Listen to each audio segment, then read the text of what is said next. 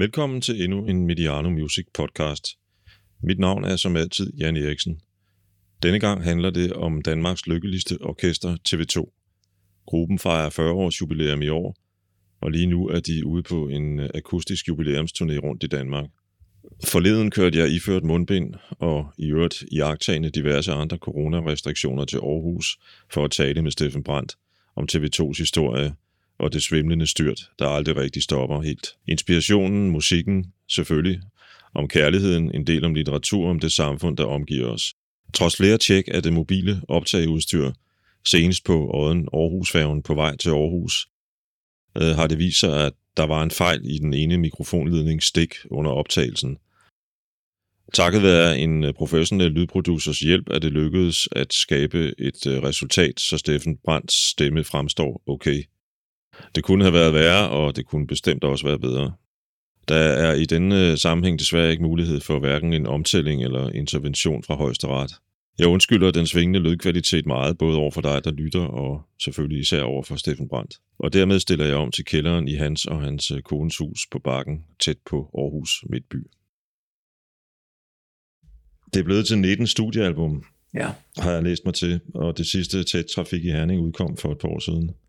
Har I nogensinde, ligesom så mange andre, overvejet, om det var slut med at indspille albums i disse digitale tider, hvor det næsten kun handler om singler? Det er jo øh, løbende diskussioner, man har, øh, eller snakke, man har, om, om ikke andet med sig selv. Og, øh, fordi den der motivation, der lå i før i tiden, at man vidste, når man lavede noget, så uanset om det var noget, som der var mange, rigtig mange, der gerne ville høre, så var der i hvert fald altid mange, der gerne ville høre det.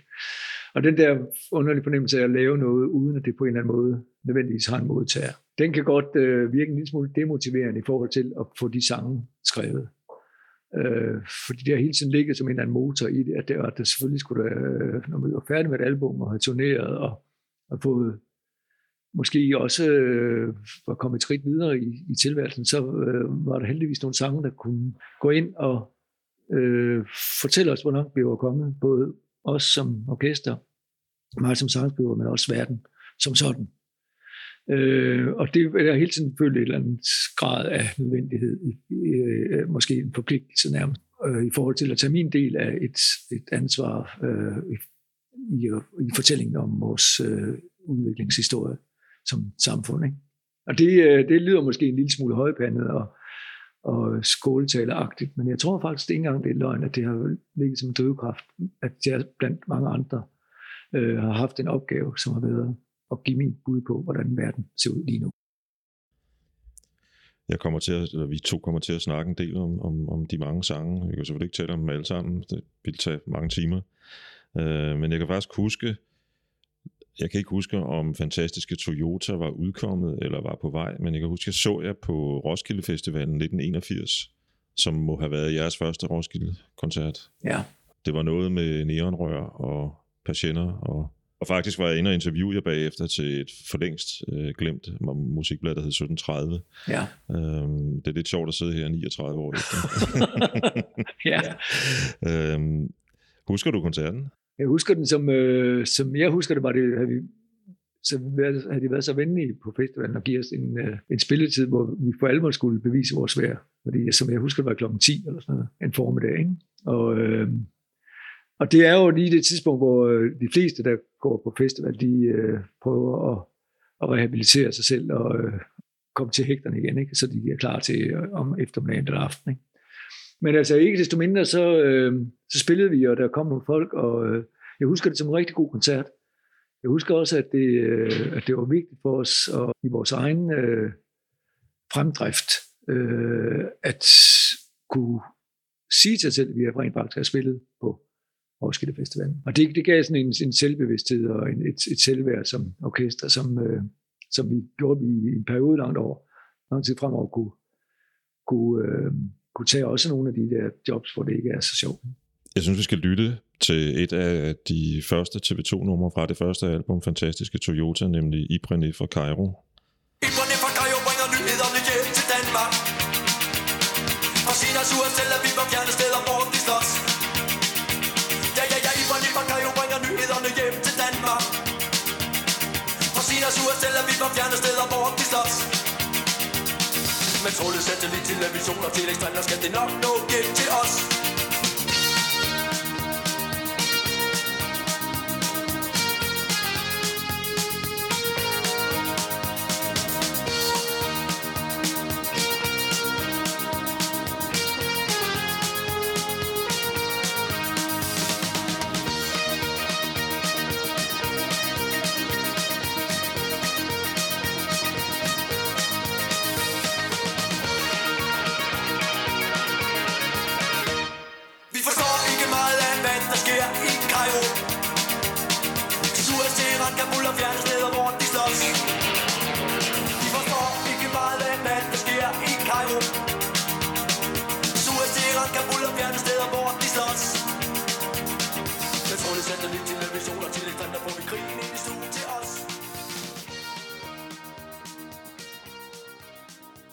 Spillede I den sang den dag? Det går vi. Og vi kan faktisk finde på at spille den stadigvæk, hvis det skal være. Den går, øh, den går lidt stærkt. Hvor mange andre, måske øh, bank under bordet, har et eller andet med, at de er nødt til at sætte sangene ned i øh, tonart. Der har vi det måske med, at nogle af sangene skal sættes ned i tempo. Fordi det gik meget stærkt, og, øh, og det er også fint nok, men øh, faktisk, øh, så hvis man lytter pladen igennem, så er der rigtig mange sange, der går rigtig stærkt. Så, øh, men altså ikke desto mindre, så spiller vi den stadigvæk, og vi, øh, øh, vi synes egentlig også stadigvæk, jeg vil ikke sige, at vi stadigvæk synes, det holder, fordi det er jo meget tidsspecifikt med, Ibrahim I går ned på Cairo og, og, og bringer nyderne hjem til Danmark. Øh, fra Sures til Rand, Kabul og fjerne steder, hvor det slås. Med trådløs satellit, television og telex-strimler, når det ind i stuen til os. Det der, mange af formaterne findes jo ikke rigtig mere. Men fornemmelsen, det er en af grundene til, at jeg har valgt den ud, fornemmelsen af at sidde i sin sofa og glo på tv-skærmen og se øh, på, hvad der foregår ude i det store udland, den er jo lige så relevant i dag, som den var dengang. Øh, og, og måske nogle gange med en fornemmelse, har jeg i hvert fald af, at, at jeg spørger mig selv, hvad jeg egentlig skal stille op med det. Øh, burde man slukke sit tv-apparat og lave noget mere kreativt, eller skulle jeg melde mig ind i Folkekirkens Ja. Nødhjælp og gøre et eller andet aktivt, som kunne hjælpe de steder, jeg ser på tv-skærmen? Jeg tror, at det, øh, jeg ved ikke, om det er et, et, et spørgsmål, jeg skal svare på, men jeg tænker, det er, at, at, at den der sang, jo i lighed med rigtig mange af de andre sange på albummet, jo øh, repræsenteret repræsenterede et nybrud i forhold til måden at se verden på. Hvor vi kom fra en tradition i dansk musik, som øh, var meget holdningsbredet og som øh, analyserende, og måske også øh, anviste nogle øh, måder, man skulle gå ud og gøre et eller andet på, eller i hvert fald, øh, så skulle man mene noget, og man skulle, øh, og, og, og meget, af- det var faktisk lidt agitation, kan man næsten sige. Øh, det hedder jo også øh, agipop, ikke? Og, og så alle disse sange om, hvor godt det kunne være. Ja, ja, præcis. Men altså, der, der, var, der gik vi jo ind i en, en, øh, en tidsånd, som øh, mere prøvede på at fortælle vores historie på en anden måde, lægge nogle ting frem, lægge nogle, øh, nogle, nogle, en virkelighed frem, som, øh, som når den blev beskrevet i en popsang, jo så lige pludselig så fremtrådte den i al sin, øh, nogle gange absurditet, i hvert fald i al sin øh, virkelighed, som, som ikke behøvede nødvendigvis at, at, at nogen til at, at, at filtrere det for, for vores publikum, at, hvor man godt selv kunne se det her lagt frem på den her måde, der giver det jo ikke nogen mening, eller det giver netop mening at forholde sig til det på den måde. Ikke? Teksterne var i begyndelsen meget præcise, øh, som musikken også sådan lidt minimalistisk, øh, sådan meget konkrete. Jeg, sad, jeg har siddet og lyttet til rigtig mange TV2-plader her på de sidste dage her, øh, og, og bemærket på øh, Verden er vidunderlig, som er jeres andet album, at der er en øh, version af noget Bertolt Brecht har skrevet, øh, Rundfunk Freies Europa. Ja. Øhm, og på det tidspunkt, der brugte man meget udtrykket, det, det, det blev sådan slynget omkring For fremdom. Fremdung. Så jeg tænkte på, om der var en inspiration fra gamle Bertolt. Det er der nok, men altså vi er jo nok også, øh, vi øh, måske også, øh, må, jo også øh, acceptere, at, at, at der bliver lagt nogle øh, fortolkninger ned over vores sange, altså fordi øh, det der rent faktisk var, og det, jeg ved ikke, om det er helt det samme, øh, nogle dækker over, men altså vi vil gerne øh, på en eller anden måde simpelthen sætte noget, nogle modsætninger op, som så i, i det clash, det giver, vil der ud af det komme en eller anden form for forståelse af, hvad, hvad det er, vi er i gang med. Ikke? Og det, øh, det er sådan, sådan renset for, øh, for, for, øh, for forklaringer og renset for, for, for holdninger og for, for i hvert fald for bedre viden. Og som det også blev i, i, i det beslægtede genre, vi var en del af, altså den der de unge vilde inden for kunsten og, og filmkunsten og litteraturen, med Søren Ulrik Thomsen og altså hele det hold der. Og der, der, det var bare en ny retning, som egentlig ikke nødvendigvis behøvede at forkaste det, alt det gamle, men som bare trængte, vi trængte bare til at se verden på en ny måde. Jeg, jeg sad for nylig sammen med en ven og snakkede om, øh, ja, vi lyttede til noget af det gamle TV2, og så diskuterede vi lidt, øh, hvor meget af det her egentlig ment for sjov. Jeg beder dig ikke om at sætte procenter på, fordi det kan man selvfølgelig ikke. Altså 80% sjov, 20% alvor eller omvendt, men Nej, men jeg tror, øh, fordi det er selvfølgelig noget, jeg har skulle forholde mig til gennem tiderne, også øh, hvorfor den ironi og hvorfor den øh, dobbelttydighed, øh, og, og, og er det et forsøg på at slippe udenom, eller er det, øh, kunne du ikke bare være lidt mere direkte og øh, stå ved dine ord? Og, og det, øh, det er nok en, øh, det er nok en, en, hvad skal man sige, en manglende lyst til at blive fastholdt i øh, et eller andet øh, rigidt og et eller andet absolut Øh, fordi jeg synes, hver gang jeg når til et eller andet absolut, så ved jeg derovre, der i den anden side af hjernehalvdelen, der er der nogen, der stiller spørgsmål til mig, ah, kan det nu også passe? Men også, øh, altså der ligger en eller anden form for, øh, for øh, personlighedsforstyrrelse, vil jeg næsten kalde det. Nej, det er det ikke, men det er i hvert fald en... Øh, øh, jeg synes, uden at skulle øh, blande Per Højholdt ind i det, men jeg synes lidt, at øh, jeg deler hans lyst til aldrig nogensinde at, øh, øh, at, at, at blive fastholdt i et eller andet, som, øh, som øh, bliver selvhøjtidligt og bliver øh, for alvorligt og bliver for ja, simpelthen for absolut. Og derfor så, øh, altså i en meget, meget alvorlig sammen som fantastisk Toyota, øh, der, der øh, bliver det lavet om på rimene, sådan så øh, de tager til stranden med hinanden i handen, tager aldrig til stranden, øh, uden at have hinanden i hånden. Øh, Øh, og det er jo ikke, altså det er jo, hvorfor, hvorfor det ikke? Altså, fordi det er jo en dybt, dybt alvorlig sang om en, en kvinde, der sidder i en bil og, øh, øh og drikker på den midt på dagen, ikke? Øh, mens der i baggrunden står den der streamer, fantastisk Toyota. Og derfor så er det hele vejen igen, hvis, hvis tingene er ved at tippe over, i, ikke i almer, fordi jeg egentlig rigtig godt lide almer, det skal også være, man skal også ture være 100% alvorlig. Men altså hvis der er sådan i et eller andet øh, sted, hvor det sådan, lige er ved at komme over i, øh, lidt for meget, jeg ved bedre, og nu skal I høre her, nu øh, sådan er det, så, kan jeg, så har jeg en utrolig trang til at, øh, at opløse det i, øh, i, i en eller anden form for humor, eller en eller anden form for, for modspil til den album. Jeg kunne godt tænke mig som det andet nummer at spille uh, pop og kun pop, som er fra jeres tredje album. Det er der flere grunde til, og en af dem er bassist Geo Olsens ja. basspil. Pop til de smukke og pop til de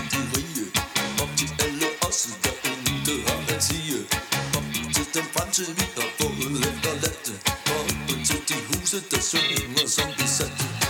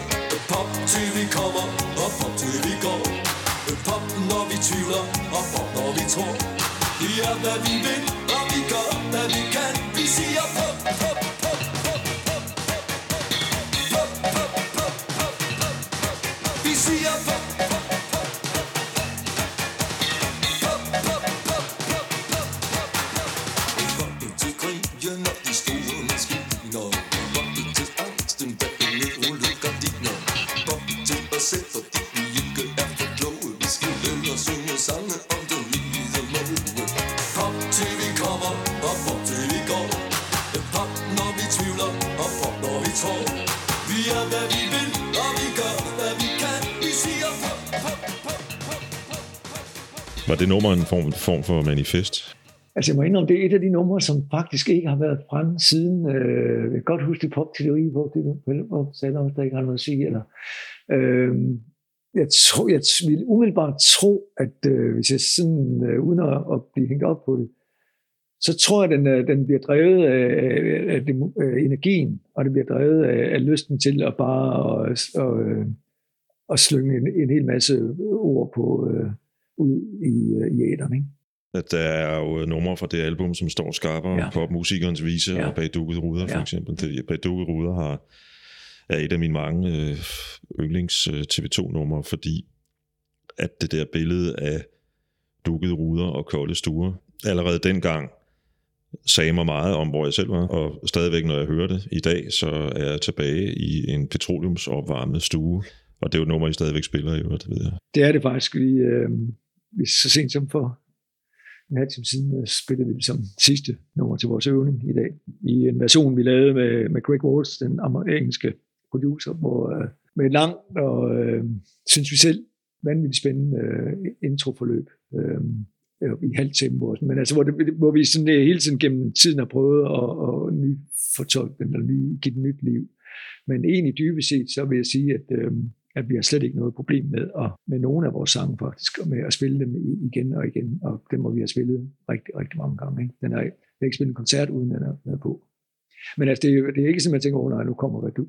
Det er, der, på en eller anden måde kommer der en, øh, der kommer sådan et, et, et su, øh, eller en, sådan et et skub af glæde, og, øh, og sådan hele ens historie ryger igennem ens hoved, når man spiller den sang.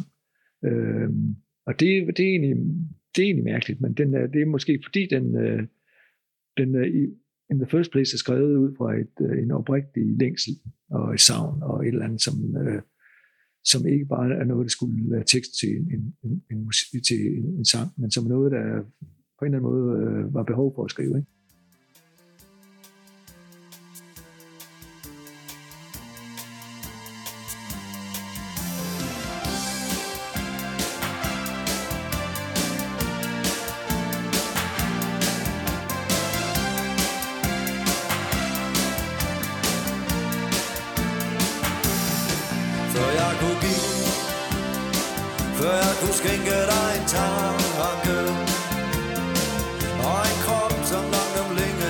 sammen til at elske lidt med livet Kunne jeg se,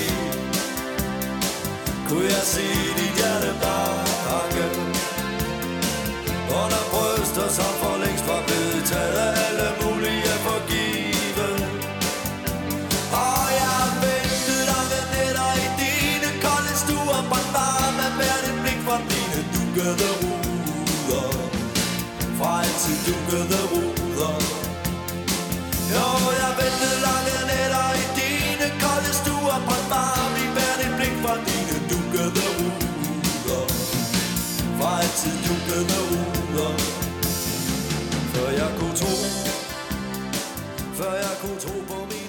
synes, det er meget spændende at høre, at, at man kan stå på scenen i dag, og så stadigvæk få en fornemmelse i, i hvad ved jeg, hjertet eller maven, ja. eller hvor den sidder i hovedet, som er andet end, end, end, end det, ikke, nu siger jeg bare, det er så i situationstegn, ikke? Men, men, men bare spille den, men ja. altså, der stadigvæk er et eller andet i den, som er...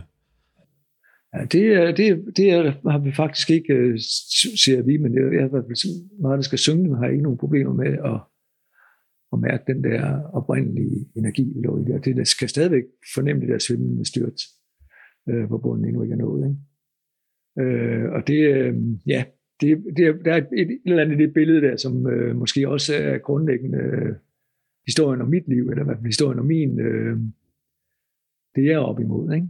Det er øh, svimlende styrning. Altså, øh, og det, det, derfor så er det vel altid en... Øh, det er et eller andet i en, som ikke, øh, øh, som ikke er svært at, at få, få fortolket og givet videre. Det svimlende styrt, er det, øh, det at skrive sange og, og, og skrive i det hele taget, er en måde at, at få hold på sig selv undervejs i det styrt, om man så må sige? Det kunne det egentlig godt være. Det tror jeg i grunden er meget præcist, øh, at, det, øh, at sangene fungerer dels som en måde at, at prøve at forstå øh, sig selv og sin situation, men også forstå øh, ens rolle i et til hver tid skiftende øh, samfund og den virkelighed, man, øh, som jo hele tiden udvikler sig. Øh, og der kan være sange, øh, der er du nødt til at gå ind, og, øh, fordi det siger mine erfaringer, det har, har det sagt mig altid faktisk, lige siden den første sådan rigtige sang, som jeg tror, jeg skrev var fantastisk. Toyota, den har skrevet mange år før TV2 faktisk. Øh, men altså, der, der har det hele tiden været den der fornemmelse af, at det, øh, at, at det sproget og sangen og historien øh, kan, det er at, øh, at åbne en, øh, en verden for en, som man øh, ellers måske bare ville gemme lidt væk. Men du, som sang skal du nødt til at gå ind og finde noget andet at holde fast i, øh, som berører dig. eller som optager dig, eller som provokerer dig, eller som du er nødt til at forstå.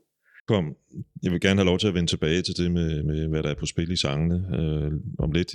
Jeg vil bare lige sige, for mig så står i dag beat og, og rigtige mænd gider ikke høre mere vrøvl og muligvis også, eller også nutidens unge selvfølgelig. Det står som sådan en trilogi, som på en eller anden måde, det er der, hvor det TV2, vi kom til at kende i alle årene efter, blev sådan defineret på en eller anden måde. Um, I bevæger jer fra det der måske sådan lidt elektropop-inspireret ja. over i noget sådan pop-rock. Var det et uh, valg, I traf, om man så må sige, eller var det et valg, der traf sig selv? Ej, jeg tror, at det, de eneste valg, vi sådan, øh, reelt set har truffet nogensinde i den retning, det har været, at vi ville, øh, vi vil gerne være en del af den scene, da vi startede. Den der øh, New Wave hed det i England, eller punk var det jo ikke det, vi lavede, men altså det en ny scene, som både i, i Tyskland og i England definerede verden på en, en for os fuldstændig overrumplende, forfriskende måde. Ikke? Der, der gik vi klart ned og sagde, at det vil vi være med i. Det, vi skal lyde sådan, vi skal alt overflødigt skal væk. Vi skal helt ind til benet, både tekst og musik, og det skal gå stærkt. Og øh, sådan. Og så efterhånden så fandt vi ud af, at det, det vi kunne, det var jo øh, den første sådan øh, begejstring og benovelse over, at vi faktisk kunne spille så hurtigt og være en del af noget. Så fandt vi ud af, at det var vores øh, årlige i hele den her, på den, hele den her scene, det var at fortælle nogle historier, og fortælle noget, som, øh, som på en eller anden måde afspejlede øh, det både det, vi var i, og det publikum, vi spillede for. I den periode der, der var vi måske lidt inspireret af, af, af det, den videre udvikling af den der New Wave med Heaven 17 og nogle af de der engelske bands, uh, Human League og sådan noget. Altså, men vi kom lidt videre med det, og, og, og via vores samarbejde med Craig Walls fik vi også fundet et udtryk, som måske i virkeligheden var mere, øh, altså det var mere udfordrende også musikalt. Der var nogle akkordskifter, en måde at bygge sangen op på, som var langt mere komplekse end tidligere været. Og der spiller han en rolle, Greg, der. Ja, det gør han, fordi altså, man, vi, vi, vi var jo inde også, altså, når, det var, gjorde ikke noget, at, at hvert A-stykke var bygget op på samme måde, men det gjorde, men der må gerne være variationer i, i den måde, øh, i harmoniseringen af, af akkorderne. Ikke? For de album, vi taler om, kan jeg lige sige til dem, der måtte lytte med, der har vi jo numre som Lanternen, Blod, Sved og Tårer, Bibaba Lula, Natradio, Vil du danse med mig, Rigtige Mænd, Skanderborg Station, nutidens unge. Hele verden fra forstanden, som vi lige talte om, eller berørte for et øjeblik siden, og alt, hvad hun ville, var at danse, ikke mindst. Øhm, det er en rigtig imponerende strip hits, øhm, og som du selv sagde før, ikke? Altså det, ja, det, det er gode sange simpelthen hele vejen igennem, og det var selvfølgelig også det, der var med til at skabe jeres enorme succes, som I havde på det. Jeg tror, det er, at, at det var, at det, at vi, at vi på en eller anden måde, uden at, sådan at sætte os ned og lave en, øh, en en formuleret dagsorden øh, om, hvad vi ville og hvad vi ikke ville, så tror jeg, at, at vi øh, sådan helt øh, af os selv fandt ind til, at det var det, vi kunne. Men det har vi øh, aldrig nogensinde sat os ned og sagde, hey, forresten, det er jo sammen, det drejer sig om. Men jeg tror bare, det, at de sange der, de har jo, øh, sådan jeg sagt, øh, de har banet vejen for os, så vi bagefter kunne se, at det er det, vi, det, er det, vi skal, og det, er det, vi kan. Ikke? Og det er jo sådan, man kan egentlig godt lide det er. Jeg kan godt lide, at vi ikke har haft et eller andet program, skrift, som vi skulle udfylde, eller nogle rammer, som vi har tænkt, at det her, inden for det her udfolder vi os. Og det har hele tiden været den, den gode sang, en god melodi, bundet op på en, en historie, eller en, en anfægtelse, eller et eller andet øh, undersøgende element. At det var det, der var vores opgave. Som, som I skriver på, på jeres site i forbindelse med, med den her undskyld, akustiske turné, der starter om et øjeblik. øh, det er jeres bud på noget tidløst og eviggyldigt, øh, de her sange. Og jeg vil godt spille øh, en sang, som jeg anser for at være en af de vigtigste TV2-sange, øh, og som er en af mine yndlings, nemlig hele verden fra forstanden.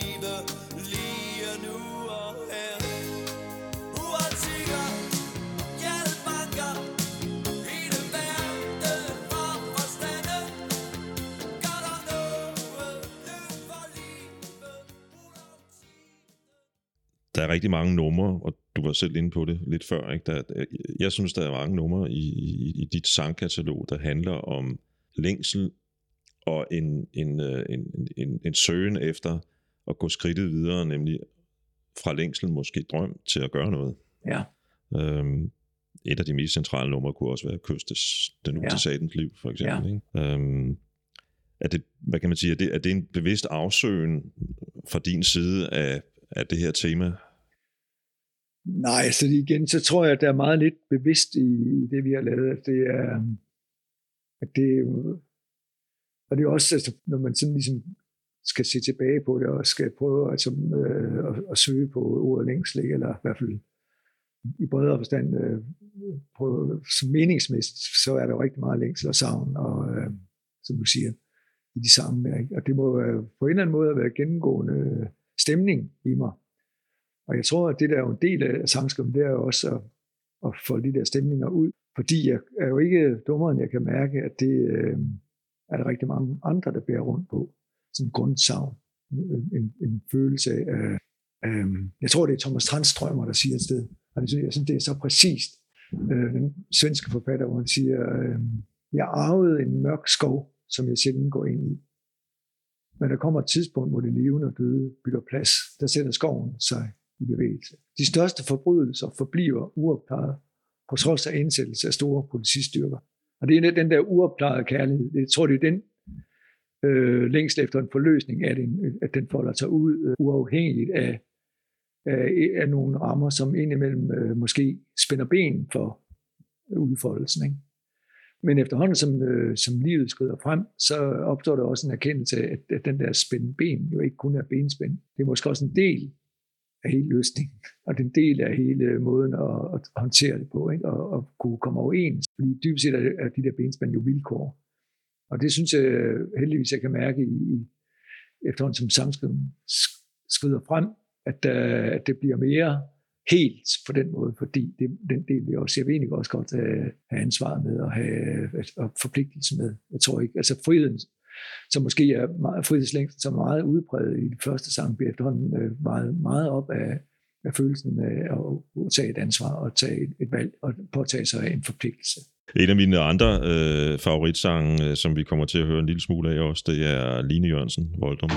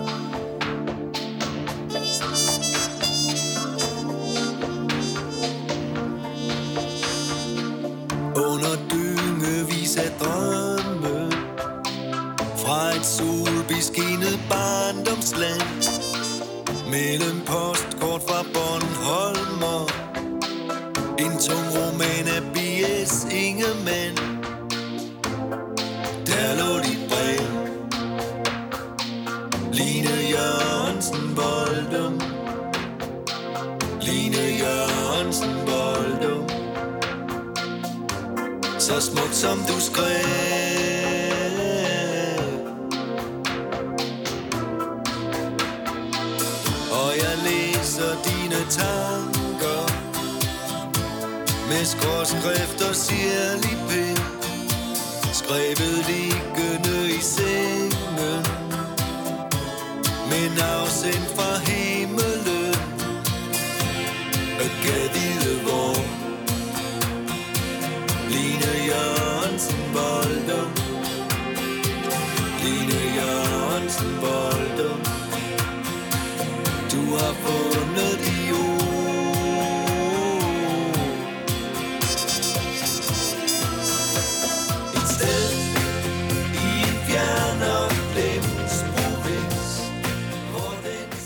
Den sang siger mig noget, øh, ikke kun fordi den øh, tangerer det emne, vi lige har snakket om i, i et par omgange, men også fordi jeg jo selv stammer fra en lille flække øh, i provinsen. Ja. Øhm, og derfor kan jeg identificere mig med Line.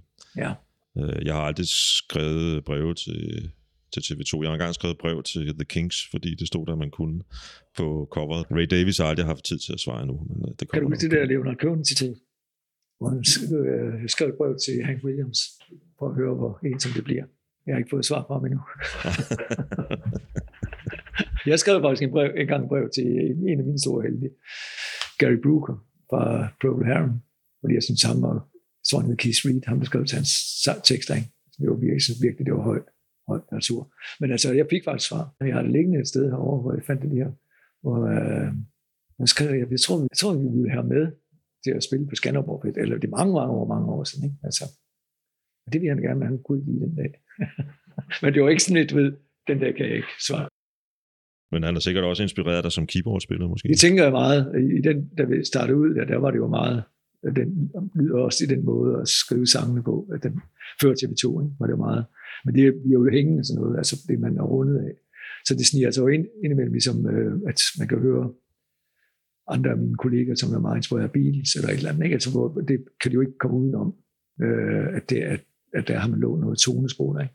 Så den, de der øh, mål, øh, og den der lidt dystre stemning, der kan være i Purple Harum sange, den øh, synes jeg på en eller anden måde fået med i mit, øh, i mit erfaringsgrundlag. Ikke? Som det fremgår af det, vi har talt om indtil nu, så er din sang jo øh, som regel meget personlige. Øh, det er ikke så længe siden, jeg, eller det er halvandet års tid siden, tror jeg, jeg talte med, med Kira Skov, interviewede hende, og så fortalte hun mig, at du engang havde, jeg kan ikke huske, om det var noget, du havde sagt til hende, eller hun bare havde set det citeret, sagt, at øh, som sangskriver skal man også huske at, at, at beskytte sin egen kapital. Ja, jeg tror, det, øh, det er jo faktisk virkelig et, øh, et behøjeholdt citat. Man skal, det hedder et eller andet, og som ikke er egen kapital, til mere, man skal, jeg kommer i tanke om det. Det er et rigtig, rigtig, rigtig godt ord, det bruges ikke rigtig mere i dag. Jeg tror ikke, der er nogen, der ved, hvad det er, men det er ligesom sådan, øh, øh, det er selve, altså man, man skal jo aldrig nogensinde, øh, synes jeg, øh, gå ind og fortælle, at øh, hvor øh, man må gerne fortælle om Line Jørgensen, og man også kan fortælle, at det var inspireret af en, en, en, en, en virkelig begivenhed. Hvis man ved, at den er den person, den er, man ved alt om en, et menneske, en kunstner så, øh, så har man ligesom allerede øh, taget øh, spændingen ud af, af det næste vedkommende skriver, eller et eller andet. Altså, og det er den der, hvor man skal være nødt til at holde noget for sig selv, for at man kan blive ved med at øse af det, for at man kan blive ved med at hente noget energi. Hvis alle har adgang til den ressource, så øh, kunne de jo sådan set lige så godt bare selv skrive det. Ikke? Altså, jeg synes jo, og og nu, nu får jeg sikkert hug af, de Beatles-fans, der måtte lytte til det her. Øh, jeg kan fortælle lytterne, at jeg sidder og kigger på en plakat, der er en parafrase over Sgt. Pepper-coveret. Øhm, John Lennon gjorde jo netop det, at han lavede nogle meget private og dermed også meget personlige sange på et tidspunkt omkring 1970. Øh, Mother for eksempel, ja. Ja. som handler om hans, ja, Ja. som, som han jo fortalte var et, en sang om hans mor og sådan noget. Og han havde måske i virkeligheden lidt svært ved at, at skrive sang bagefter. Det er faktisk en rigtig god pointe. Jeg tror, det er det, jeg mener med, at hvis man ligesom har lagt alt frem, så har man jo også taget øh, alt øh, energien ud af, af sig selv og sit eget liv, og så, så er det ligesom lagt frem. Og hvad så, ikke? Og det, man kan jo se det i, øh, i, ude, i stærkt øh, tydelig grad hos øh, en af mine yndlingsforfattere, øh, Karl Ove som jo øh, skriver sin øh, syv eller seksbinds øh, værk på, jeg ved ikke hvor mange tusind sider, ikke? og skriver om alt. Ikke? Og så siger han efter det, vil jeg holde op med at skrive. Og det er jo sindssygt let at skrive og sige, når man øh, øh, lige afleverer den sidste bog og tænker, er det var så det, ikke? Men så går der alligevel et halvt år, og så har han, han har faktisk skrevet om det hele. Ikke? Og alt, han har lavet siden, øh, har jeg prøvet at læse, og, og det, er, det har ikke den glød. Og det er den der glød der, som, øh, øh, som er, er grundlaget for, at man overhovedet kan, kan, kan gøre et eller andet magisk. Når vi snakker om glød, så, så synes jeg, jeg har bemærket mig, at, at, øh, at, at mange af dine sådan meget direkte kærlighedssange, min yndlings øh, TV2 kærlighedssang er Kærlighed overvinder alt. Øh, men jeg synes, mange af dine kærlighedssange er, de flyder meget let, altså, Ja. når, man, når man lytter til dem. Ja. Øh, og så er det så, jeg tænker, er det fordi, de er, eller er de nemmere at skrive, vil jeg hellere spørge, end, end, end, end for eksempel samtids satire? Nej, det er det ikke. Altså, de, øh, jeg vil snarere sige, vi er omvendt. Ikke? Altså, fordi øh, sådan en som øh, Kærligheden overvinder alt, altså hvis man lige dykker ned i den, hvad vi jo rent faktisk gør nu, fordi vi spiller den akustisk, eller relativt akustisk, hvor, der er, hvor du hvor du måske øh, også lige standser op og hører, hvad det er grund, du har sunget med på i alle de år. Ikke? Øh, og der er jo, øh, altså der er, øh, sådan kan man blive så dejligt træt, mens tilværelsen kører på rutinen, og svinehunden kræver sin ret. Den glammer og stikker halen mellem benene. Jeg mener, det, øh, det er jo ikke en, en, en sang, som, øh, er, som, som ligesom tager øh, et, et kærlighedsforhold øh, sådan set lidt øh, for oven af i, i en bryllupstale situation.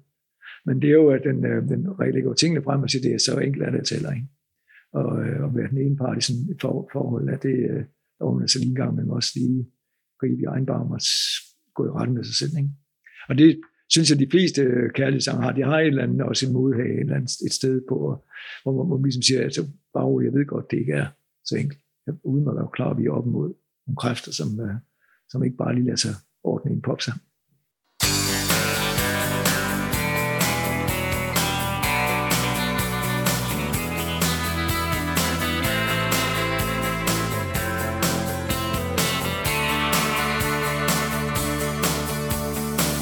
Kan man køre rundt i ring Mens tvivlen knæver helt ind til benet Man venter, men der sker ingenting. Du kender garanteret fænomenet. Kærligheden overvinder alt. Og så en dag, så står hun bare der Og ingenting kan undgå hendes øjne jeg gætter på, det er sådan det må være. Man ender med at æde sine løgne. Kærlighed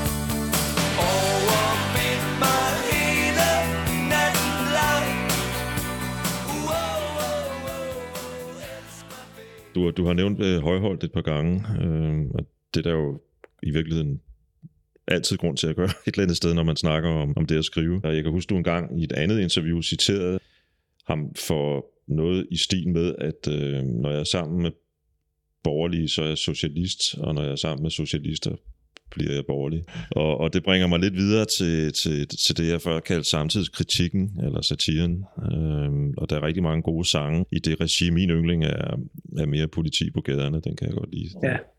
Der er rigtig meget satire i den, og så Ja. lidt en tilbagevenden til, Ja. til noget af den der elektro øh, Ja. pop, som I var inspireret af i Ja, begyndelsen. den var, det er der faktisk. Det er også, øh, vi valgte også at, at lade Thomas Troelsen producere den, fordi han kunne virkelig gå ind i, i, i det tidsbillede der, og den lyd, og det her var han jo mester i, eller er, er lidt stadigvæk gætter jeg på, men øh, det er rigtigt, den er, men den er også, øh, at den er også, på en eller anden måde, er den jo også, øh, den har det samme øh, angreb på, på, på, øh, på, på det, den fremlægger, som man havde, da vi startede i 80'erne. Altså, den lægger tingene frem, og den, er- at, men den er også meget tydelig, fordi der så er gået de år. Altså det, det greb er blevet tydeligere øh, at bruge, end, end det var, da vi startede med det. Ikke? Altså, så på den måde synes jeg også, den er, at den, øh, at den har, øh, den har sin svaghed. Ikke?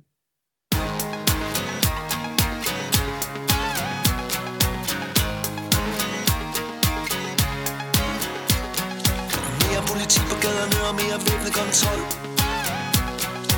Mere politi på gaderne og mere væbnet kontrol mere politi på gaderne og mere væbnet kontrol. Mere politi på gaderne og mere væbnet kontrol. Vi er bange, vi tør ikke gå ud af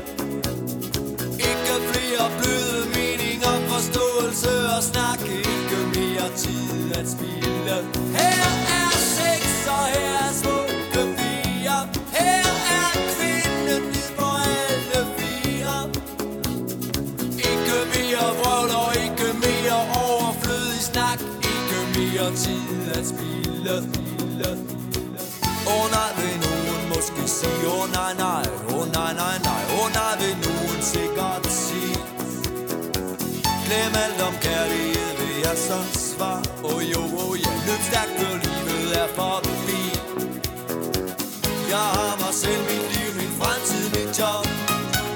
Vel stillet, velklædt, uafhængig og fri Jeg starter der, hvor andres drømme holder op. Her er liv, og her er Du siger faktisk noget meget, synes jeg jo, meget interessant omkring det der med, med, med tydeligheden, fordi øh, det er kvinden ned på alle fire. Så tænker jeg, ville man kunne skrive sådan en sang i dag? Men det ved jeg ikke. Men, men øh, den sang blev taget, øh, ja, nu fristes jeg til at sige, af alle mulige mennesker for givet. Altså den, den blev taget, den, det, det, det var ligesom, at I blev taget på ordet i den sang, som, som jeg jo dengang tænkte, det må være en eller anden form for ironisering over en tids, en stemning i tiden, noget. Men, men har du nogensinde oplevet at stå i sådan en situation, hvor du ligesom, altså, jeg, jeg har set C.V. Jørgensen sige, at han har faktisk har fortrudt, at han har skrevet Costa del Sol, fordi, Ja. fordi de elskede den nede på Costa del Sol. Ja. Har, har du nogensinde ligesom haft den der fornemmelse af, at det her, det bliver, folk fortolker ikke det her, eller hvad man skal sige, det bliver taget for givet? Nej, altså, jeg, jeg tror, at hvis man, øh, hvis man på det tidspunkt, hvor den sang blev, ud, blev udgivet, ikke fanger pointen, så, så, så tror jeg, vi, øh, at, så er vi lovligt undskyldt. Det er, fordi det, den, øh, det var en tid, og det var et, et fænomen, som øh, Jubi-bevægelsen der med, øh, med, med den der type, den nye type af, øh, hvad skal man sige, øh, erhvervsmindede øh, folk, som, som øh, kunne gå på vandet og kunne spekulere på børsen og kunne Altså, hvor de definerede en helt ny øh, verdensorden og en helt ny livsstil, som bare var så arrogant på en eller anden måde i, i, i sin egen selvcentrerethed, og, og som også afslørede et kvindesyn, som var netop kvinden på alle fire. Ikke? Og, og øh, hvad skal jeg med, med kærlighed? Altså, det har jeg slet ikke tid til, fordi jeg har så meget fart på. Den, altså, jeg, jeg hører den jo i, i, igen i dag. Altså, når vi spiller den, spiller den i dag, så får den jo altid lige på ord med på vejen for at sætte den ind i, i konteksten. Men jeg hører den i dag, jeg kan stadigvæk godt se, at den, øh, at den, den jo tager fat i noget, og den er ikke, jeg synes ikke, den er sådan helt ved siden af. Jeg synes ikke, den er sådan overdrevet karikeret, eller, men den er selvfølgelig fra en anden tid, ikke? Hvor, øh, hvor, hvor, hvor virkemidlerne måske lidt ligesom noget til øh, Kasper Madrid-aftalen, så, så var det jo super sjovt dengang, og det er altså faktisk stadigvæk sjovt at gense det, fordi man ser det med de øjne, nostalgiske øjne. Ikke? Men altså, vi kan ikke lave den slags i dag, og den, vi kunne heller ikke lave den i dag, fordi den er for firkantet i sin ironi. Ikke? Men dengang, der var den, netop det, at den er så tydelig, det gør, at jeg, jeg kan ikke se, at der, at der er nogen, der kunne misforstå. Men det er der, altså, det er der måske altid nogen, der, der vil. Ikke? Så har jeg det. man må aldrig nogensinde øh, sætte ud af hovedstolen. Hovedstolen, det er det, der er i, som jeg forstår det, i, øh, hvis man øh, med, med hus, øh, hvis man har det, så hovedstolen, det er selve, ja. Du har fuldstændig ret, og det var faktisk også det, som, som, som du blev citeret for. Det er mig, der husker forkert. Godt, godt. Nu fik jeg fred, nu kan jeg koncentrere mig 100 procent. På det seneste album, Tæt så fik i Herning, øh, er der også øh, et par sammen, der forholder sig til den verden, vi lever i. Øhm, stille og rolig søndag i Aarhus V, og, og den, der hedder um, Ødelagt Land. Hvad skal man sige? Det er jo en problematik, det med, med, med indvandrere, problematikken, det, det, det er sådan et forfærdeligt ord, man jo har givet ja. øh, det her emne. Øh, er der stadigvæk stof i det? Ja, det er der åbenbart, siden du stadigvæk kan, kan skrive sang om det. Jamen, jeg besluttede mig for, at det, at det emne skal, skulle man, skal man kunne skrive om i dag, uden at det bliver øh, en eller anden form for mellemfolkelig øh, samvirke, velvilje, og nu skal vi også rumme hinanden, og øh, vi må på en eller anden måde forstå, at øh, verden er stor, og, øh, Øh, og, og de forskellige artige kulturer skal have øh, plads, og, og du ved, altså hele den der smør der, som vi jo på en eller anden måde øh, har, har handlingslammet os selv med, ud i, i den bedste vilje, ikke? Øh, i stedet for at, at rent faktisk forstå, at, at der har været øh, at der har altid været problemer, og hele den der integration er, er, er gået helt fejl, fordi måske er det slet ikke integration, der skal til. Måske er det noget andet, der skal til. Øh, og, og, og det, det emne der, det er så sprængfyldt af, af muligheder for at gå forkert i byen. Så øh, da jeg hørte øh, et, så et tweet, eller var det et Facebook-opslag fra øh, jeg Hassan, dengang han levede, hvor han øh, står med en øh, Kalashnikov øh, og, og underteksten er stille og roligt søndag i Aarhus V. Ikke? Jeg tænkte, det der, hvis ikke det kræver, kalder på en sang, ikke? og en Carlsberg, så, øh, så er der, og fordi det var så lige pludselig, så tænkte jeg øh, at knytte an til øh, det sommer, det sol og det søndag, ikke? og så prøve at lave en, øh, en, en dansk udgave af Mormors Kolonierhus, der bare foregår i, øh, i Aarhus V, ikke? Øh, med alt, hvad der findes af, af, af hvidpulver på bordene, og, øh, og, og, og øh, forskellige øh, bander, der holder ophørsudsalg. Ikke? Øh, og det mærkelige var jo, at rent faktisk, mens det blev skrevet, der blev det jo faktisk, gik de i opløsning. Og det, men altså at skrive sådan et, et, et billede der, som, øh, som fuldstændig øh, nærmest en til en fortæller historien, men fordi det kommer på en popsang, og fordi det får det om, omkvædet. Så øh, øh, fordi den får den der med øh, to børn slutter fred i en krig, der har varet længe nok. Ikke? Øh, at det får den der, det får alligevel en, en eller anden form for udvej. Det er ikke bare sådan, men det, det får en registrerende karakter, som når det er lagt frem på den måde i en popsang med et fængende omkvæd, og i øvrigt vildt godt produceret af, igen af Greg Olsen, kom tilbage der, ikke? så tænkte jeg, det må da på en eller anden måde sætte et eller andet i gang. Og det må da give, øh, hvor give den her debat en ny måde at se det hele på. Ikke? Og det gjorde det måske også, men øh, det, det har slet ikke, ligesom vi, vi kunne gøre tidligere, øh, vælte det hele om på den anden side, og for den her skyld også ødelagt land. Ikke? Som jeg også øh, jo er et forsøg på at, øh, at forstå øh, øh den der fire i at være flygtning og komme til at, at have et smadret liv med i bagagen. Ikke? Øh, og så prøve at, at fortælle dem, det er fint nok at komme herop, men øh, lad være med at tage den krig med. Altså det, øh, det du, skal gøre, du skal tage imod vores fred og den, øh, det, vi har tilbydet. Vi skal ikke tage imod din krig. Og den, øh, den handel, der ligger i det, øh, eller det aftaleforhold, der ligger i det, det er jo et, et ansvar, der går begge veje. Ikke? Og det er måske det nye i den her snak, det er, at øh, man også kræver et ansvar, men ud fra en øh, idé om at kunne mødes. Ikke? Mm. Og den dialog burde man have taget for rigtig mange år siden. Ikke? Ja. Og det synes jeg bare, at, men det er da klart, at den er heller ikke nogen, der har, øh, den er gået under radaren på en eller anden måde, fordi der er ikke nogen, der har haft lyst til at tage den op, eller øh, reflektere over det. Men det er sådan en slags åben brev i virkeligheden til mig selv også, øh, fordi øh, jeg er bundet af en stor og dyb frustration over at ikke kunne række ud og, øh, og ganske enkelt øh, i en dialog øh, få det her løst. Og være en del af en tid, hvor, øh, hvor det skal være temaet, og hvor der var så mange andre store emner, vi kunne tage fat i.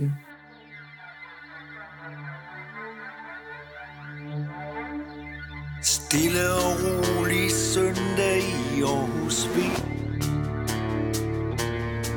jeg er Hassan, ruller rundt i en tone. BMW Der er midlertidig stop for al integration.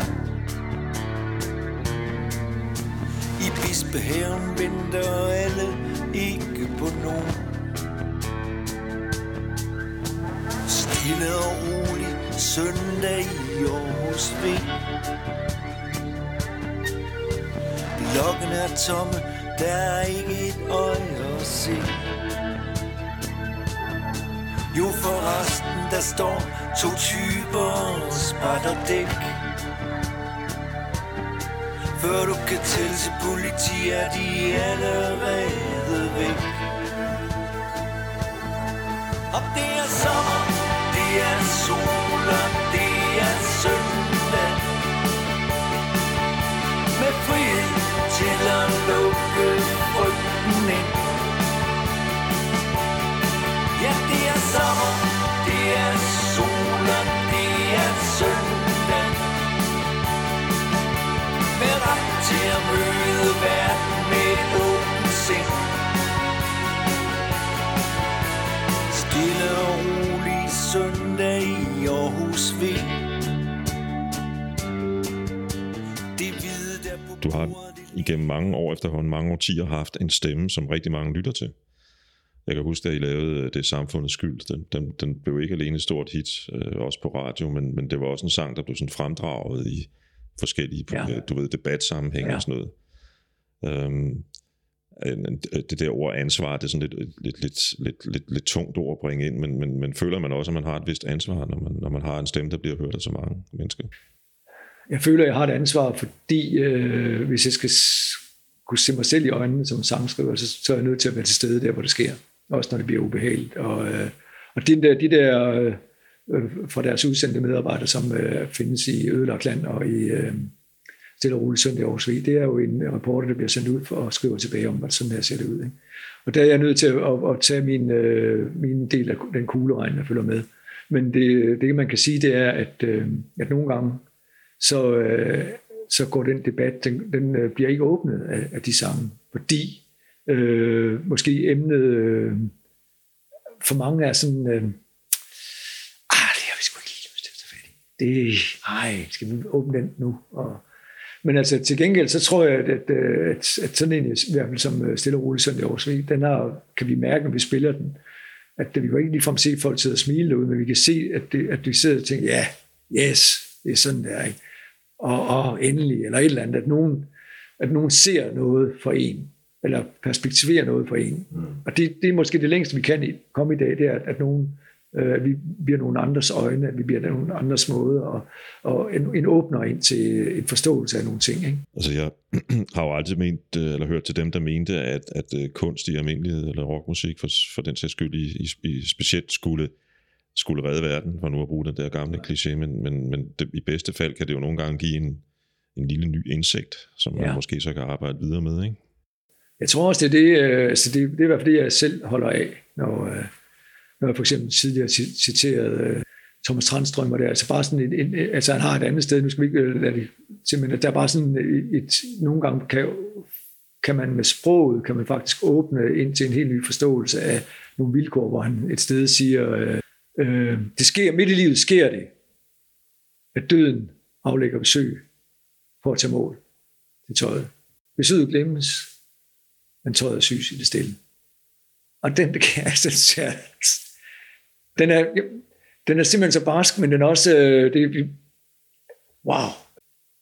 Og det er det, jeg mener, altså, og det er det, altså uden sammenligning, i øvrigt, men altså det, når, øh, når, når sproget på en eller anden måde øh, går ind og, øh, og åbner ind til, øh, til noget, som ellers er, kan være uforståeligt, eller uhåndgribeligt, eller svært at, at dele med, øh, det er en sang, når den laver den manøvre der, så synes jeg, man er, så er det eddermage med en god dag. Når jeg hører sådan noget, så, så bliver jeg for det første jo imponeret. Og igen, det åbner for en, for en ny måde at, at se verden på, ikke? og en lille indsigt. Men jeg kan jo også som ham, der engang øh, det, øh, hvad hedder det, selv tegnede et lille øh, hvad hedder det, legehus hjemme i haven til mine børn, nok have det som, som, som, som øh, en arkitekt, der har gjort det, der så pludselig står foran Peterskirken i Rom og tænker, hold da kæft, tænk at kunne skrive sådan. Ikke? Ja. Nej, men jeg tænker, det, det, det, det jeg siger bare, det jeg bruger eksempel, fordi altså, øh, altså der er der nogle steder, øh, hvor, øh, øh, hvor, hvor jeg synes, at, øh, at når jeg øh, på en god dag rammer et eller andet rigtigt, så kan jeg godt se, at hvor fanden kom det fra? Fordi, altså helt ærligt, Steffen B., så klog er du altså ikke. Altså, du har slet ikke øh, nogen øh, kompetence til at have den, kunne komme sådan en erkendelsesskred, som det kan være i, i sproget, når det folder sig ud, og, og, og man, de der, den måde, man arbejder med det på i situationen, i, hvor man er inde i en proces, og, og hvor man virkelig sådan, på en eller anden måde bliver, bliver det bliver sådan lidt bevidsthedsudvidende i selve sammenskrivningsprocessen. Ikke? Og der kan der nogle gange opstå en, en dybere erkendelse, man, som man jo virkelig også først forstår øh, noget som helst af øh, mange år For eksempel faldt min engle. Altså, jeg ved ikke, hvor den, jeg ved godt, hvor den kommer fra, men altså, det er først nu, jeg egentlig forstår, hvad den går ud på. Ikke? Fordi den, øh, den er så abstrakt, og den rummer så mange, hvad skal man sige, stemninger og nogle, nogle billeder, der bliver kastet ud som først øh, med tiden, når man får levet sit liv, begynder at, at give mening og falde på plads. Og det er det, jeg tror, at sangene kan. De kan, de kan blive større end sangskåren selv, og de kan blive større end, end den øh, forståelse, man faktisk har. Og sådan tænker jeg, det også måske kan virke for den, der lytter. det.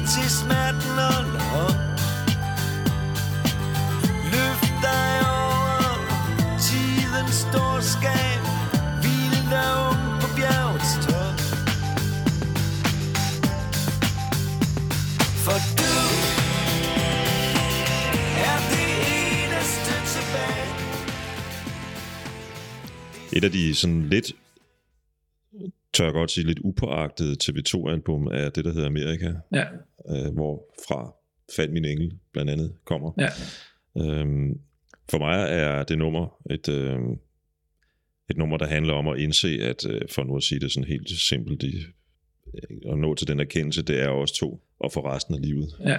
medmindre der sker et eller andet. Ikke? Men jeg så jeg sidste år i, øh, i, øh, i øh, Frisenborg Slots Park, Nå, ja, øhm, og der spillede det, og det var, Ja. ja. mindede mig om, hvor godt det nummer rent faktisk var. Ja. Øhm, jeg kommer til at tænke på, at vi har snakket lidt om, eller du har snakket lidt om forfattere. Øhm, bliver du meget inspireret af litteratur, når du skriver? Ja, det gør jeg faktisk. øh, Jeg bliver også meget irriteret af litteratur. Fordi øh, altså jeg, jeg, jeg er ret krævende, tror jeg, i grunden. Altså jeg, øh, at den nye litteratur, der kommer, skal, øh, den, den skal, man skal mere end at, at arbejde med en, et formsprog og en, øh, en måde at bygge romanen op på, og, og nogle tematikker, som ligesom øh, rører, berører et eller andet, som, hvor jeg nogle gange kan savne en eller anden grad af, hvad er der i grunden på spil her? Altså, hvad er det kostet den her? Eller hvad, hvor er det, øh, hvad er det, der gør, at jeg skal bruge en uge på at læse din roman? Øh, hvad er det, du vil fortælle mig? Agtigt. Øh, der, det kan jeg savne i, i, i nye romaner, men jeg kan også finde det. Josefine Klogart for eksempel synes jeg har skrevet nogle gode ting, og øh, Stine Pilgaard, som i øjeblikket er meget øh, fuldstændig fortjent øh, ude med en bog, der hedder Meter i sekunder. Ikke? Og hun har skrevet et par stykker før en, en ny forfatter, der Daniel Dalgaard, som er på vej med en ny roman også. Øh, og der, der er mange spændende, men der er også mange, hvor, hvor, det, øh, hvor det er sådan et relativt øh, spinkelt grundlag og et relativt begrænset øh, øh, område, der undersøges, som, øh, som, som lever i kraft af sin, øh, sin sproglige øh, sætten tingene øh, på spil. Der, der er en, en bevægelse lige for øjeblikket i retning af at sætte ting på spidsen i litteraturen. Det kan jo også være fint nok, men det går måske nogle gange lidt ud over, ja, det du siger, hvad er det, hvad er det egentlig, du vil med det her? Der går sådan lidt blog i det, Ja. altså blogskrivning. Ja. Fuldstændig. Og det er jo også det, der, der, der måske er problemet med, med at, at, øh, at man ovenikøbet på visse dagblade, der ansætter man en, der bliver man kommet ud med, at nu skal det ikke længere være anmelder, nu skal det være øh, debat, øh, det skal være debatskabende.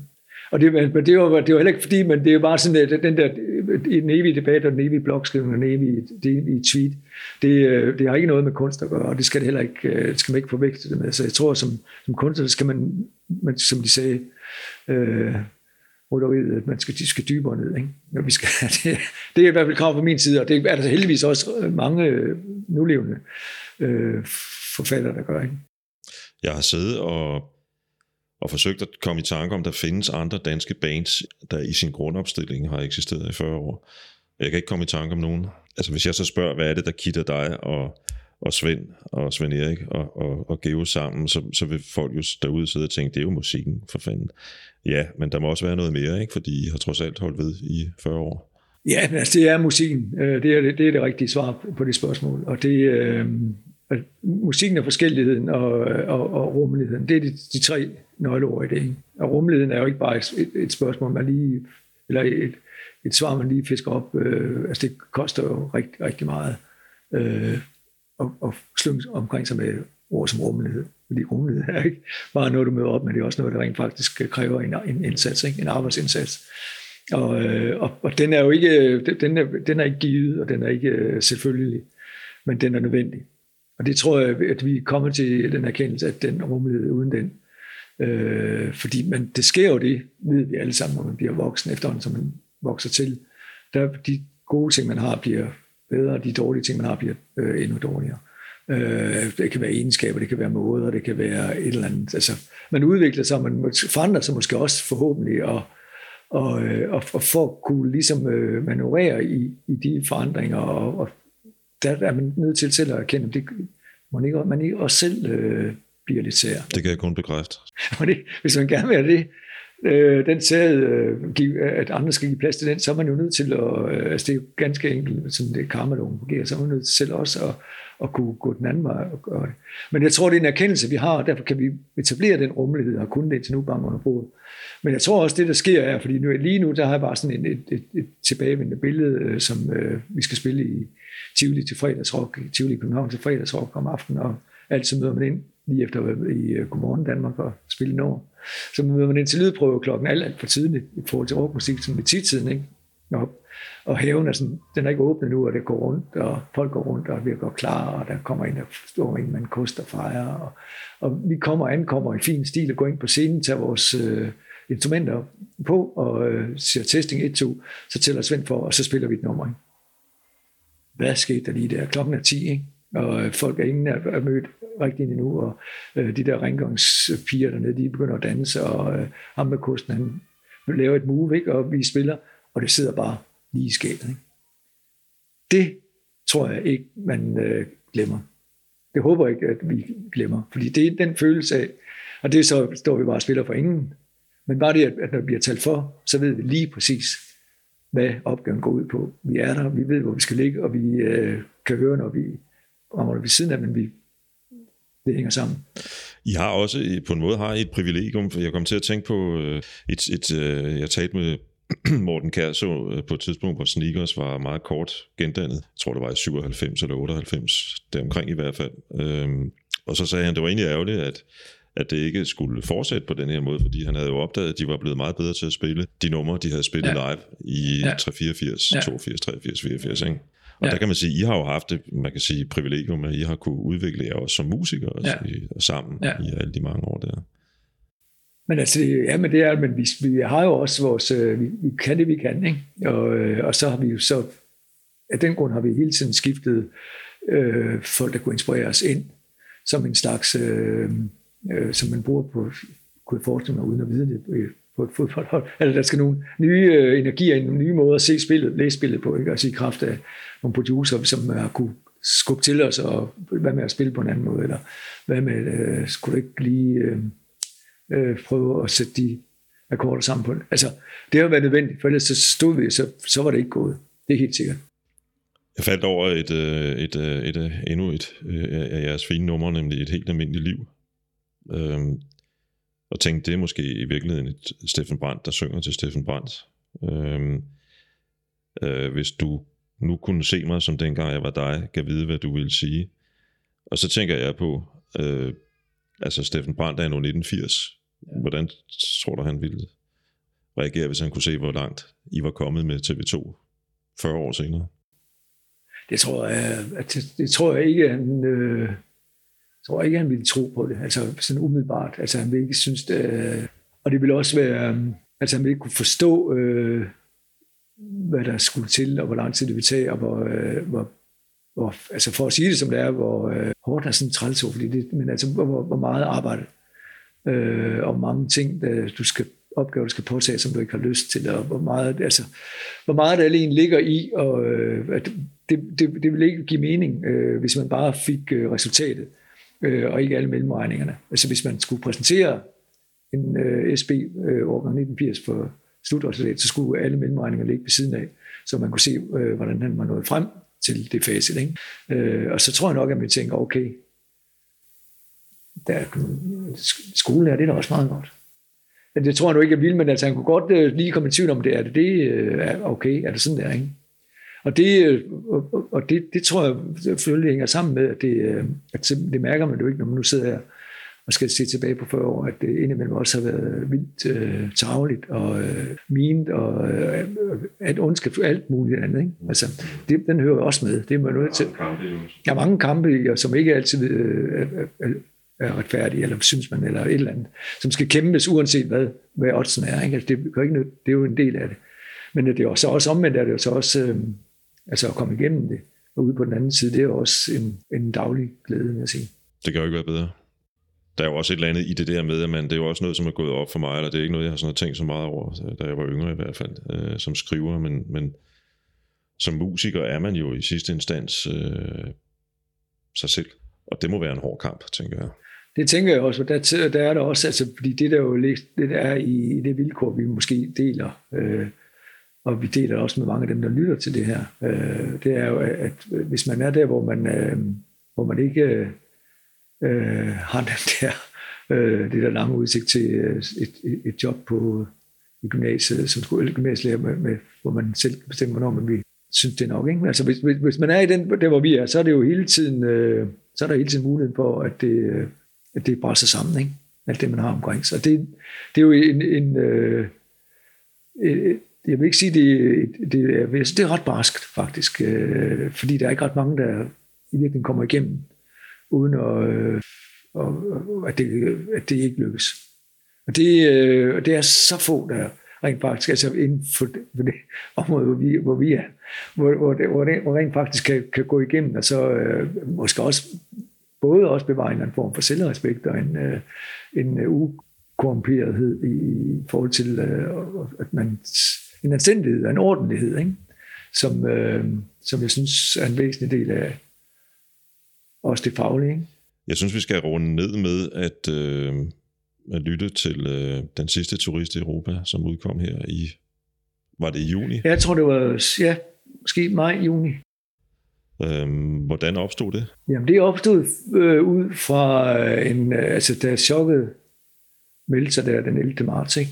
Og Danmark blev lukket ned, og vi kunne se, hvordan, hvad der skete i øh, Bergamo, for at nævne et af de værste eksempler i Italien. Ikke? Øhm, og, og man øh, ligesom øh, så øh, faktisk første gang nogensinde øh, en, en rigtig ægte, ægte katastrofe i øjnene. Ikke? Altså muligheden og rent alvoren var fuldstændig præsent. Ikke?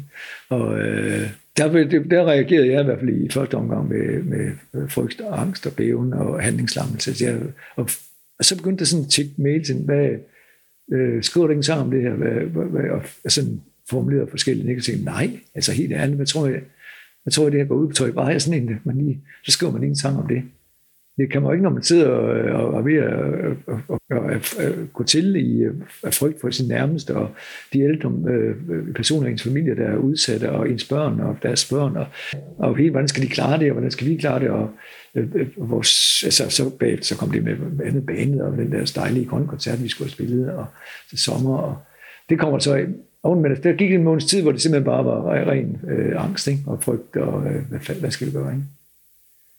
Og så lige pludselig begyndte man sådan at komme i tanke om den der sidste turist i Europa, som jeg har haft liggende lige siden øh, i hvert fald 25 år, ikke? Øh, og, sk- og har faktisk skrevet nogle udkast undervejs, som er desværre forsvundet. Ikke?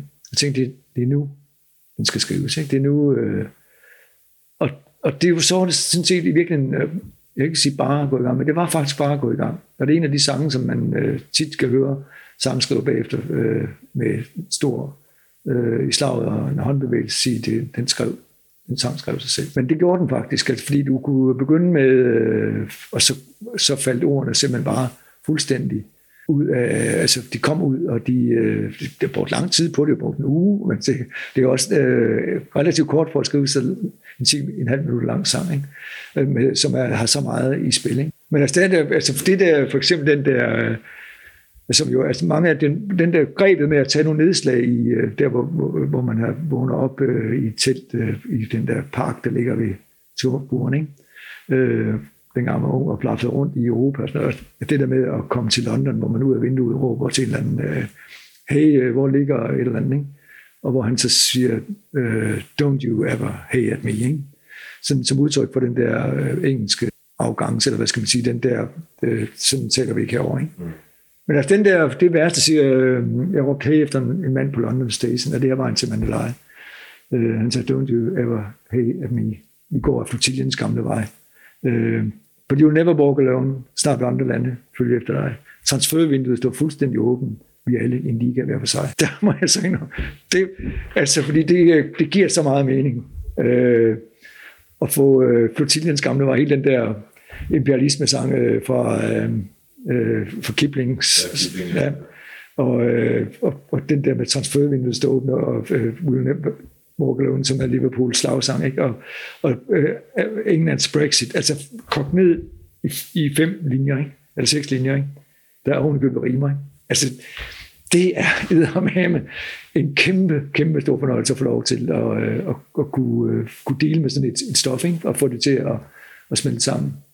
Så, øh, så det, det, det, det betyder så, at, at det var så også måske den sang, som i nyere tid har, har fået mest opmærksomhed på den måde. Altså folk øh, har skrevet og ringet, og jeg ved ikke hvad. Altså fordi det på en eller anden måde måske har været den sang, men øh, en, af de, sang, en af de ting, som man måske øh, har brug for kollektivt set, at få en eller anden øh, moderne europæisk kulturhistorie. Er, er, der, er, der, er der lidt inspiration fra, fra tidligere nævnte øh, Leonard Cohen i, i den måde, du foredrager den på?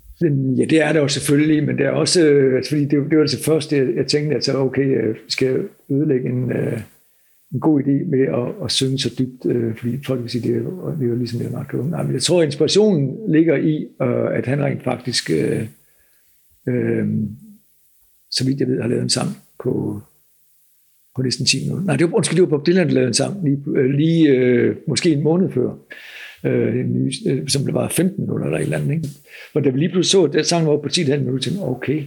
Men der er selvfølgelig en, en, der er en inspiration i den måde, øh, som Leonard Cohen skriver på, hvor han i modsætning til Dylan jo øh, har bevaret, øh, at, undskyld, nu er han død, men altså bevaret til det sidste en eller anden poetisk dimension, hvor, hvor Dylan jo ikke har mistet grebet, men det, ah, nu skal jeg passe på, hvad jeg siger. Men det er nogle gange, der, der øh, kan man mærke, øh, der er der nogle sproglige øh, øh, oplagte øh, turneringer, som driver Dylans senere sang øh, fremad, hvor det ikke, hvor man øh, til det sidste, den sidste sang, øh, som jeg i hvert fald, som er lavet inden han døde, der er nu udgivet noget posthumt, men altså, øh, Øh, den sidste sang, den der afskeds øh, sang, der, altså, hvor det, for det under køben, hvor det, hvor det virkelig, altså, hvor alt er på spil. Der er ikke nogen, er ikke virkelig kastet en, øh, et, et, et, en kniv i den retning, eller et, øh, et ordspil i den retning. Der er ikke andet end øh, virkelig det, der er på spil. Ikke? Og det synes jeg, det, øh, det håber jeg, at det, øh, at den, det er, det er intentionen i den der sidste turist i Europa, det er at ramme den der klød, og den der, øh, at her er der altså ikke noget, noget øh, der er ikke nogen svingærner, der er ikke et eller andet, nogen sproglige øh, ting, der skal fyres af. Øh, der er ikke nogen, der skal imponeres her. Med de ord, så tror jeg, jeg vil sige tak. I lige måde. Jeg siger tak for, at jeg måtte være med. Øh, og øh, vi øh, runder ned, som sagt, med øh, den sidste turist i Europa.